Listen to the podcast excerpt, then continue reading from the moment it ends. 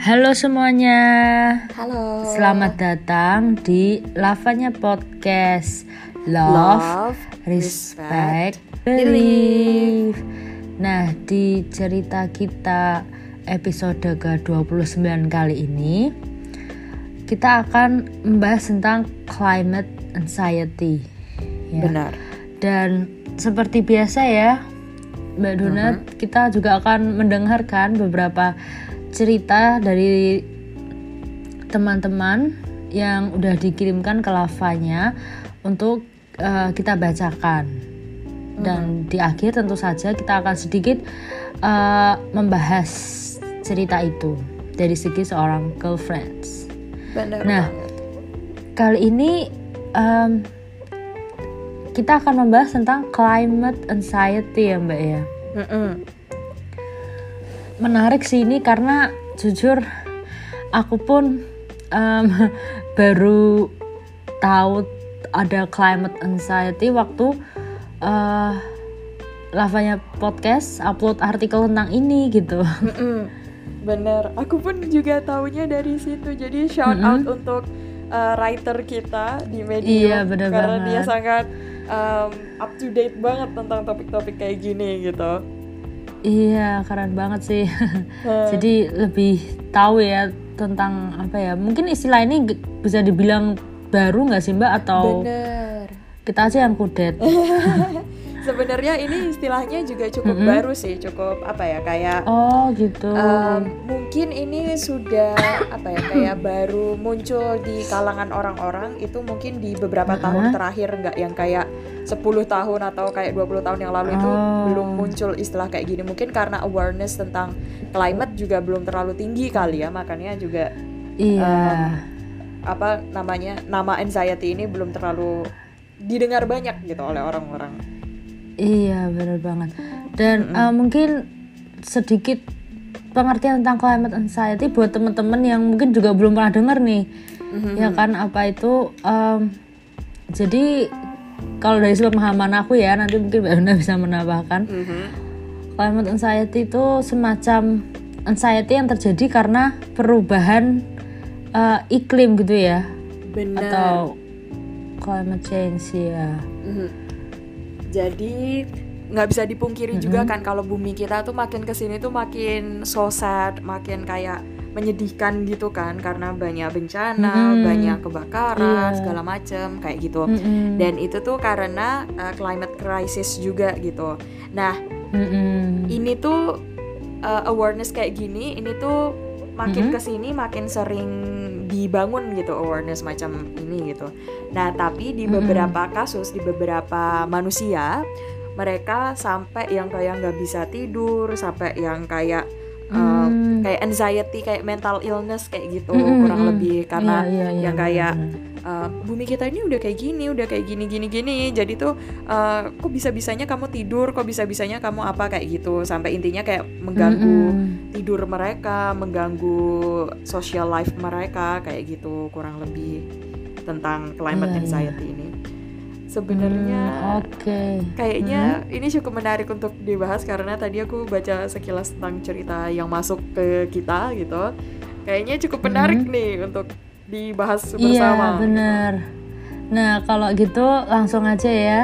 Em, di segmen selanjutnya kita akan membacakan dua cerita yang udah dikirimkan em, beberapa teman kita. Mhm. So buat kalian yang mau dengerin, stay tune terus di Lavanya Podcast. Love, respect, respect, believe. Believe.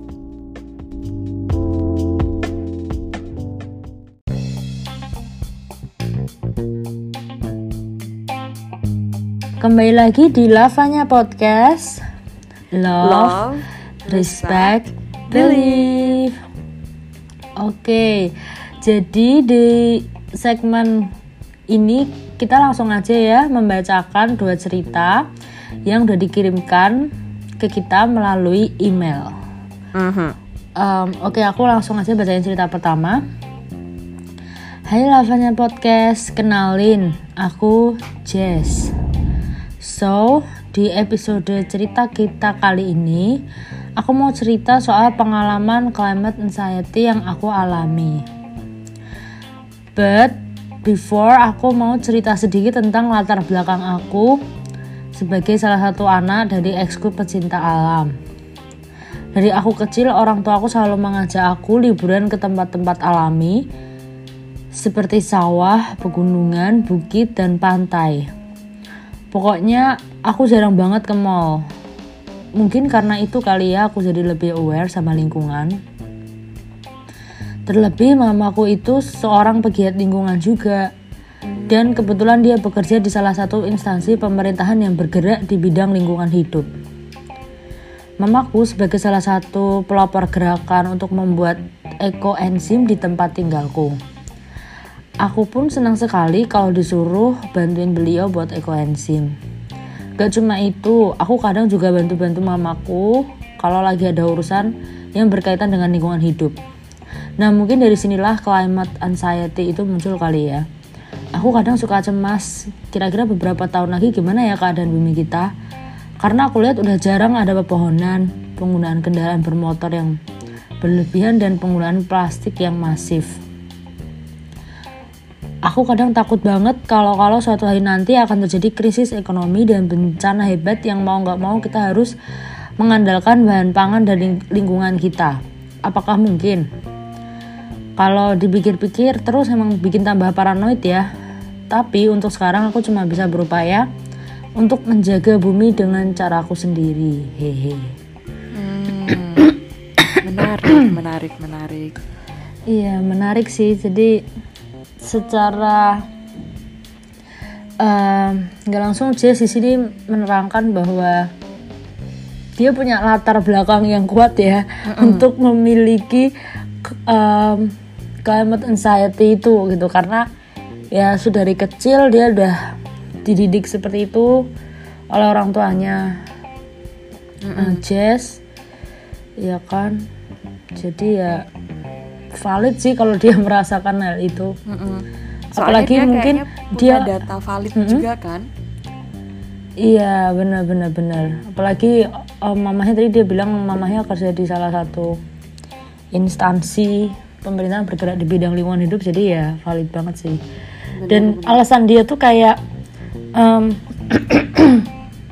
apa ya? Uh, bukan alasan sih latar belakang dia tuh lebih kuat daripada orang-orang di sekitarnya karena ya dia sedari kecil udah di melihat dunia dari sisi yang berbeda nggak sih? Kayak hmm. mungkin orang lain kayak nggak terlalu sepeduli itu sama lingkungan sekitarnya. Tapi dia tuh bener-bener yang kayak mungkin um, aku nggak tahu pasti tapi mungkin kayak dia berusaha misalnya di rumah ngurangin sampah plastik dan lain-lain gitu. Karena mungkin dia juga tahu ya akibatnya ya meskipun orang-orang di luar sana juga tahu sih akibatnya cuma beda aja gitu dari sudut pandangnya si Jess ya, tapi Um, aku akuin keren sih Aha, bener-bener. Ya itu mungkin mm -hmm. karena dia udah punya data validnya juga, jadi kayak lebih kerasa tentang kerusakan iklimnya gitu. Mm -hmm. Iya, uh. benar banget. Oke. Okay. Baiklah, okay. thank you banget Jess buat mm -hmm. ceritanya dan yeah. mungkin kita lanjut aja ke cerita kedua kali ya. Jadi, yeah. oke okay, langsung aku bacain. Hai Lavanya Podcast, aku Lisa dari Banjarmasin mau cerita sedikit tentang masalah climate anxiety yang aku miliki akhir-akhir ini. Kebetulan aku memang tertarik dengan isu climate dan ternyata kalian mau ngebahas tentang ini. Jadi aku super seneng banget. Sebenarnya aku pikir aku tidak terlalu memiliki pengalaman yang sangat anxiety banget. Oke. Okay? Tapi mungkin bagi sebagian orang ini bisa saja terlalu anxiety. Jadi ini semua berawal sejak tujuh tahun lalu ketika aku masuk universitas. Pada saat itu aku sudah mulai aware tentang limbah, pengolahannya, recycle, dan cara menguranginya. Aku bahkan ikut organisasi kampus, nasional, dan bahkan internasional untuk ambil bagian dalam memberikan dampak nyata ke lingkungan. Namun, aku mulai memikirkan tindakan ini sejak ada salah satu temanku yang nyeletuk, "Kamu kok jahat banget sih sama orang lain?" Hmm, gimana nih? Oke, okay. Uh, ya, hmm. orang yang dimaksud orang tersebut adalah temanku yang lain. Sejut, uh, sebut saja namanya Lila.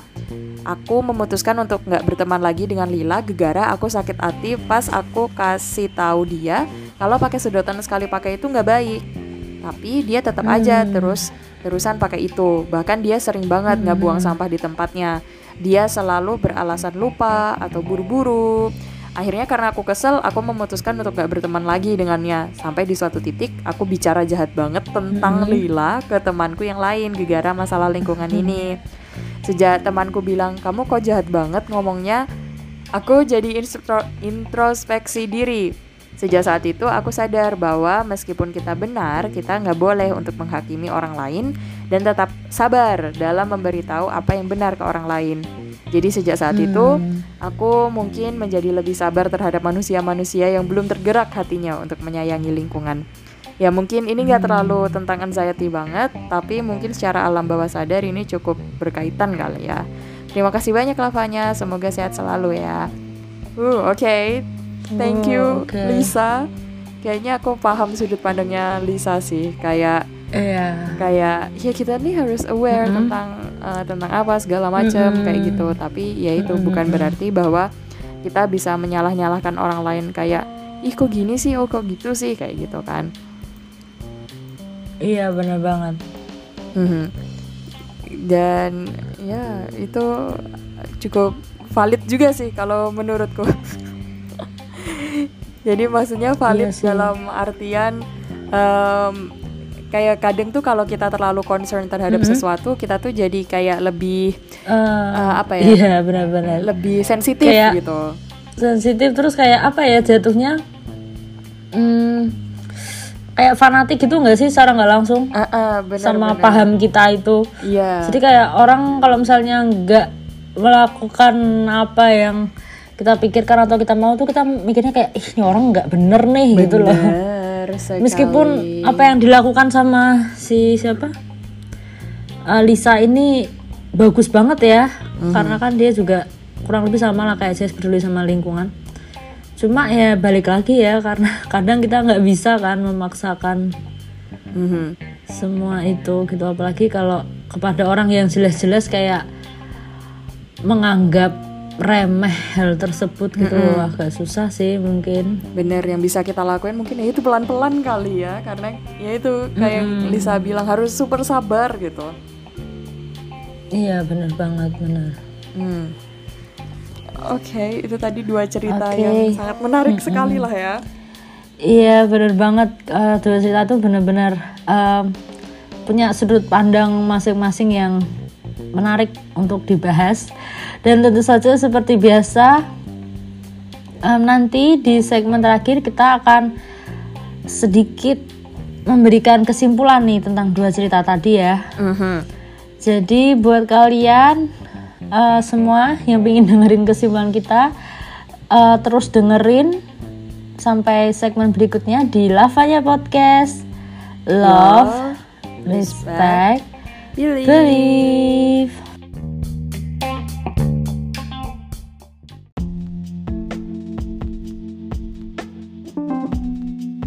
Kembali lagi di Lavanya Podcast Love, Respect, Believe Waduh udah eh, nggak terasa ternyata kita udah sampai di segmen terakhir yaitu kesimpulan ya Mhm.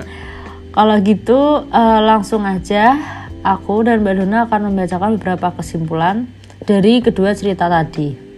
Mhm. Kesimpulan pertama, em, setiap orang memiliki caranya masing-masing untuk mengatasi climate change dan juga anxiety. Jadi kita perlu saling memahami eh, alasan orang-orang tersebut supaya kita tidak menimbulkan prasangka-prasangka tertentu terhadap mereka. gitu. Jadi em, sebenarnya ini berkaitan sama dua cerita tadi ya, Jess dan Lisa, di mana mereka sangat aware eh, terhadap lingkungan, tapi di satu sisi Lisa juga melihat kok teman-temannya nggak ada yang peduli ya. Tapi kita juga harus lihat nih dari em, kacamata lain, kenapa sih Jess dan Lisa itu peduli sama se- sebegitu pedulinya gitu loh sama lingkungan sekitar mereka sampai-sampai eh, contoh misalnya tadi Lisa marah-marahin temennya atau nasihatnya terlalu keras gitu. Ya itu kita juga perlu lihat sisi itu juga gitu. Karena ya contoh tadi si Jess dari kecil dia udah dididik seperti itu. Dan dia bahkan udah kayak mikir ke depannya gimana kalau misalnya ada krisis ekonomi dan bencana hebat dan lain sebagainya. Begitu juga dengan em, Lisa gitu. Mhm. terus em, kesimpulan yang kedua adalah em, sebenarnya ada sisi positif dan negatif ya dari adanya em, climate anxiety ini. Yang jelas sisi positifnya adalah orang lebih peduli terhadap lingkungan, lebih aware. Tapi ya sisi negatifnya tentu saja karena ada kata anxiety ya tentu saja hal itu merugikan seseorang secara psikologis atau bahkan mungkin ya mungkin akan merugikan em, orang lain juga gitu meskipun ya mungkin jarang banget ya tapi kita bisa lihat dari contohnya si Lisa tadi di mana dia juga menyadari em, apa ya secara alam bawah sadarnya dia udah kayak em, terpatok banget nih sama climate change gitu sehingga dia punya climate anxiety yang akhirnya berimbas ke teman-teman sekitarnya yang nggak peduli nggak terlalu peduli lah sama lingkungan gitu Benar banget. Terus Iya. yang ketiga nih, uh, ini diambil dari ceritanya Lisa juga. Jadi menasehati orang lain dalam kebaikan itu super boleh banget, super boleh. Tapi tetap saja kita itu harus memperhatikan ucapan dan juga pilihan kata-katanya agar kita tidak menyakiti orang lain. Kayak gitu. iya benar banget Mm-mm. Jadi mungkin se- seseorang belum tentu eh, apa ya, seseorang belum memahami eh, climate awareness gitu. Tapi bukan berarti dia nggak aware terhadap yang lain. Bisa saja dia mungkin belum terlalu Ah, iya, paham benar. tentang eh, climate change, tapi dia sudah sangat paham tentang eh, kesetaraan gender atau dia sudah sangat paham dengan apa, Iya, iya, bahkan dia benar sudah banget. sangat bergerak aktif di sana gitu. Mungkin Mm-mm. ya Iya, belum banget, lah belum saatnya dia ke climate Iya. gitu jadi pelan-pelan taunya gitu. benar benar benar Mhm. Iya dan buat orang buat beberapa orang yang pu- merasa punya climate anxiety dan em, akhirnya hal itu berdampak sama hubungan mereka sama teman-temannya mungkin yang mereka rasa nggak nggak peduli gitu sama lingkungan ya aku setuju banget dengan kata-katanya Mbak Dona barusan sih. Kadang kita juga harus lihat orang lain tuh dari jangan cuma dari satu sisi aja gitu. Kita melihatnya dari kepeduliannya dia terhadap lingkungan tapi kita nggak lihat dia dari sisi lain. Yang mungkin dia em, sebenarnya lagi apa ya em, berproses juga gitu loh. Jadi ya menurutku tuh agak nggak adil sih ya. Bener-bener gitu. Oke. Oke em, kalau gitu untuk episode selanjutnya nih yaitu cerita kita episode ke 30 kita akan bahas apa nih Mbak Oke, Dona? kita ini cukup menarik juga sih bahasannya karena ini yang sedang baru-baru ini bukan viral tapi sedang naik daun lah gitu bahasanya. Oh gitu. Jadi, Iya. Eh, kita bakal ngebahas tentang quiet quitting. Jadi kayak Hmm. apa ya? Ini tuh semua ini kalau nggak salah ingat ini bermula sejak em, sejak ada gerakan di Cina itu viral. Eh, ten- eh, bukan bukan gerakan apa sih kayak em, yang 669 atau 996 aku lupa deh pokoknya eh, intinya tuh kayak orang itu tuh harus bekerja eh, selama Oh. 9 jam Iya 6 iya. hari eh apa ya dari jam 9 sampai jam 6 terus enam hari kerja kalau nggak salah 966 kalau nggak salah Iya. ya itu Iya, itu kan sempat viral banget terus Mm-mm. eh, Iya, akhirnya benar, muncul iya. juga gerakan di Cina pada saat itu eh, tentang Mm-mm. kita itu eh, bisa digantikan oleh perusahaan dengan begitu saja jadi percuma kita ngasih lebih Iya, kita nggak bakal dapet bonus Ah, segala iya. macem kayak gitu jadi percuma kita Iya, kasih benar. uh, kerja terbaik kita kayak gitu terus akhirnya muncul gerakan kayak ya Iya. udah uh, kerjanya sesuai dengan itu aja kalau misalnya disuruh lembur atau apa nggak usah karena apalagi kalau lemburnya nggak dibayar jadi untuk apa kayak gitu kan Mm. nah akhirnya gerakan Hmm, ini mulai oke. melebar kalau nggak salah ingat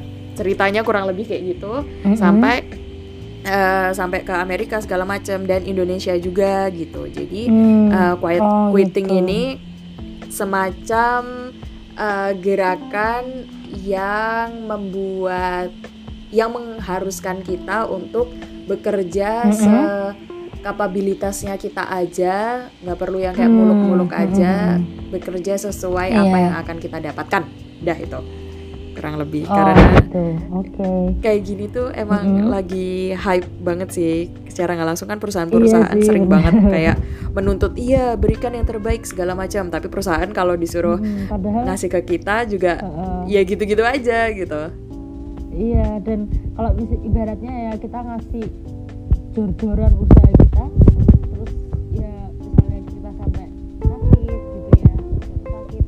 Kita juga kayaknya gampang banget gitu nggak sih digantiinnya? Mhm. kayak perusahaan kayak ah ya udah kalau kamu sakit ya udah gitu. Padahal mereka nggak lihat kita tuh sakit gara-gara gara-gara disuruh kerja kerja kerja gitu. bener. Eh kampret banget kan emang nah itu Wah menarik nih. bener jadi untuk teman-teman lavanya yang punya cerita berkaitan tentang quiet quitting Mm-mm. bisa dikirimkan melalui Gform ya yang ada di link tree kita di bio Instagram Mm-mm. atau di link tree gitu. Iya. Em, pokoknya bisa isi formulir atau bisa em, kirim ke emailnya lavanya di lavanya.podcast@gmail.com atau bisa juga kirim ke Instagramnya di @lavanya.podcast. Iya bener banget. Em, pokoknya kita eh, akan se secepat mungkin Mhm. membalas em, email kalian dan juga eh, bukan membalas ya maksudnya memasukkan cerita kalian gitu Benar. di next episode. Iya. Mhm. Oke kalau gitu terima kasih banyak buat kalian semua yang sudah mendengarkan episode ke-29 di cerita kita kali ini. Mhm. Semoga apa yang kita sampaikan membawa insight baru nih buat kalian semua. Benar. Um, see you on the next episode di Lavanya Podcast. Love, respect, respect, believe. believe. Bye semuanya. Sampai jumpa.